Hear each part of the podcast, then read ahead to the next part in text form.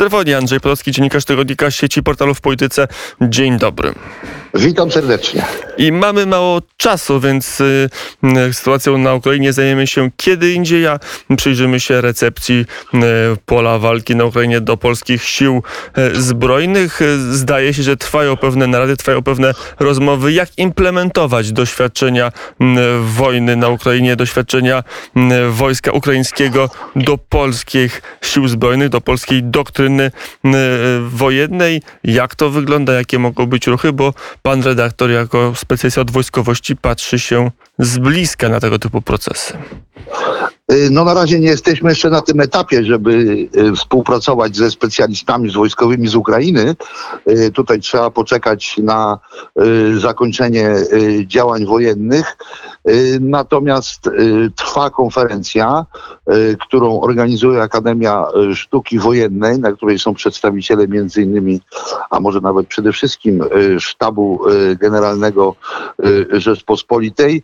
Konferencja poświęcona jest tworzeniu nowej y, strategii y, wojennej, y, która do tej pory ta starsza już sprzed 10 lat w zasadzie się zużyła i nie jest aktualna. W związku z tym, co się dzieje na Ukrainie, Sztab Generalny i Akademia Sztuki Wojennej zakasały rękawy i panowie wojskowi y, wzięli się, y, wzięli byka za rogi, można powiedzieć, y, i zaczyna powstawać ta nowa polska strategia wojenna, głównie w oparciu o tę sytuację, którą mamy, czyli głównym przeciwnikiem jest Rosja. Przestajemy się zajmować zachodnią granicą Polski.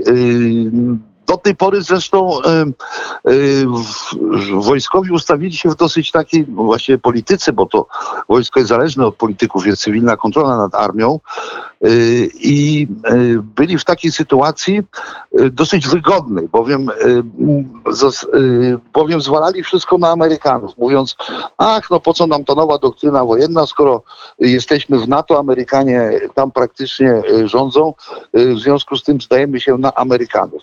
Tylko, że wojskowi nie brali takiej sytuacji, jaka była na Ukrainie, jaka się zdarzyła na Ukrainie, to znaczy, kiedy y, NATO y, ma czas na reakcję, y, bowiem nim wejdzie w życie w praktyce artykuł 5, to może nawet minąć y, doba, kilka dni, y, w zależności tam od statusu tych wojsk, które są w danym kraju y, i wtedy się musimy bronić sami.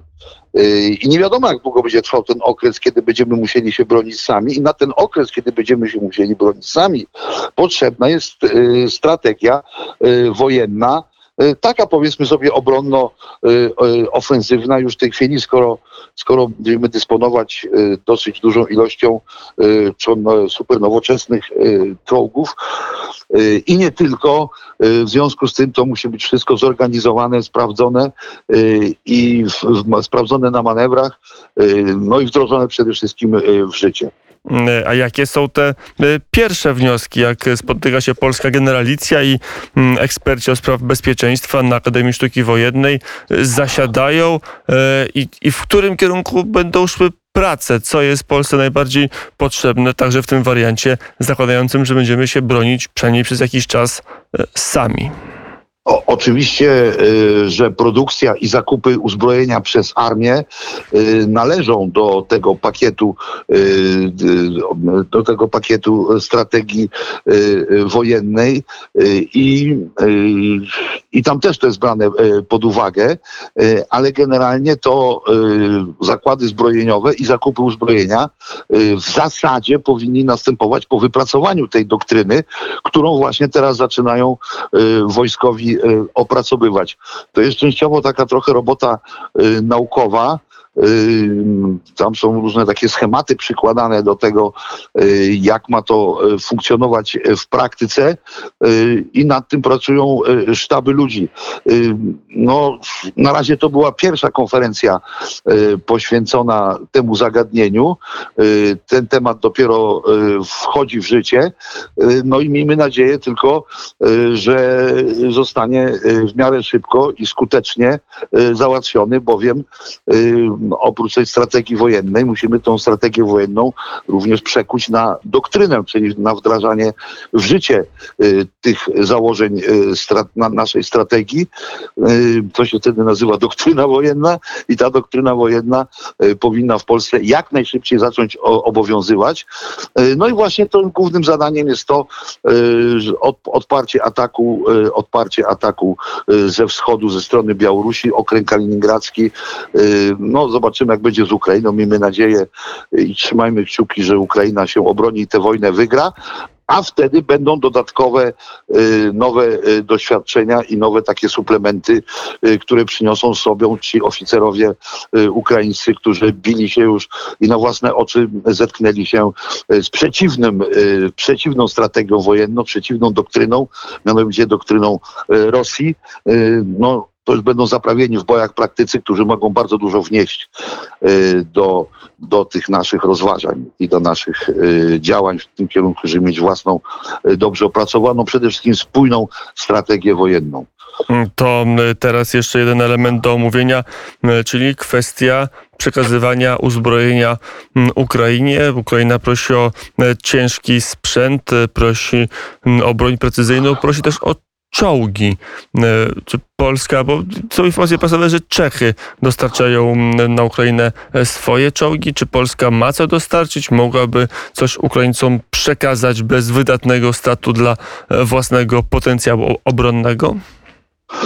Y, No do tej pory przekazują y, Czesi, y, natomiast Polska ma w swoich zasobach dosyć spore ilości czołgów, które w zasadzie są wymieniane, bowiem ten zakup tych 250 Abramsów jak gdyby wypełnia, wypełnia te, y, te, te T-72, bo o tym mówimy, te, to są te najsłabsze czołgi w polskim posiadaniu i te rzeczywiście moglibyśmy przekazać Ukrainie. Natomiast co do rzeczywistej sytuacji, jak jest, to pozwolą Państwo, że w tej sytuacji nie udzielę komentarza, y, bowiem nie chcę iść śladami szefa Unii Europejskiej, Josefa Borrella, który, który tam zaczął zbyt dużo y, mówić na temat przekazywania broni Ukrainie i samolotów Ukrainie i zrobiła się międzynarodowa afera. Ale Ja tylko mówię, pytanie, czy tak, my ale- mamy co? Ale, ale, ale bym tutaj, y, jeżeli pan redaktor pozwoli, to chętnie bym tutaj zrezygnował z komentarza. Ale jak rozumiem, technicznie mamy co przekazać Ukraińcom. Y, Technicznie mamy co? Mamy stosunkowo dużą ilość tych czołgów T-72, y, których, że tak powiem, no już wiek y, spowodował, powoduje to, że nie są to czołgi super nowoczesne tej trzeciej generacji, tak jak część przerobionych Leopardów i, i, i zakupywane Abramsy, tylko tej drugiej generacji, czyli de facto takie, jakimi jeżdżą Rosjanie, też na Ukrainie. W związku z tym, owszem, mamy, mamy zasoby i możemy y, teoretycznie Ukrainie te czołgi przekazać. Mm, Powiedział Andrzej Podolski, dziennikarz tygodnika sieci portalu w polityce. Dziękuję bardzo za rozmowę. Dziękuję bardzo.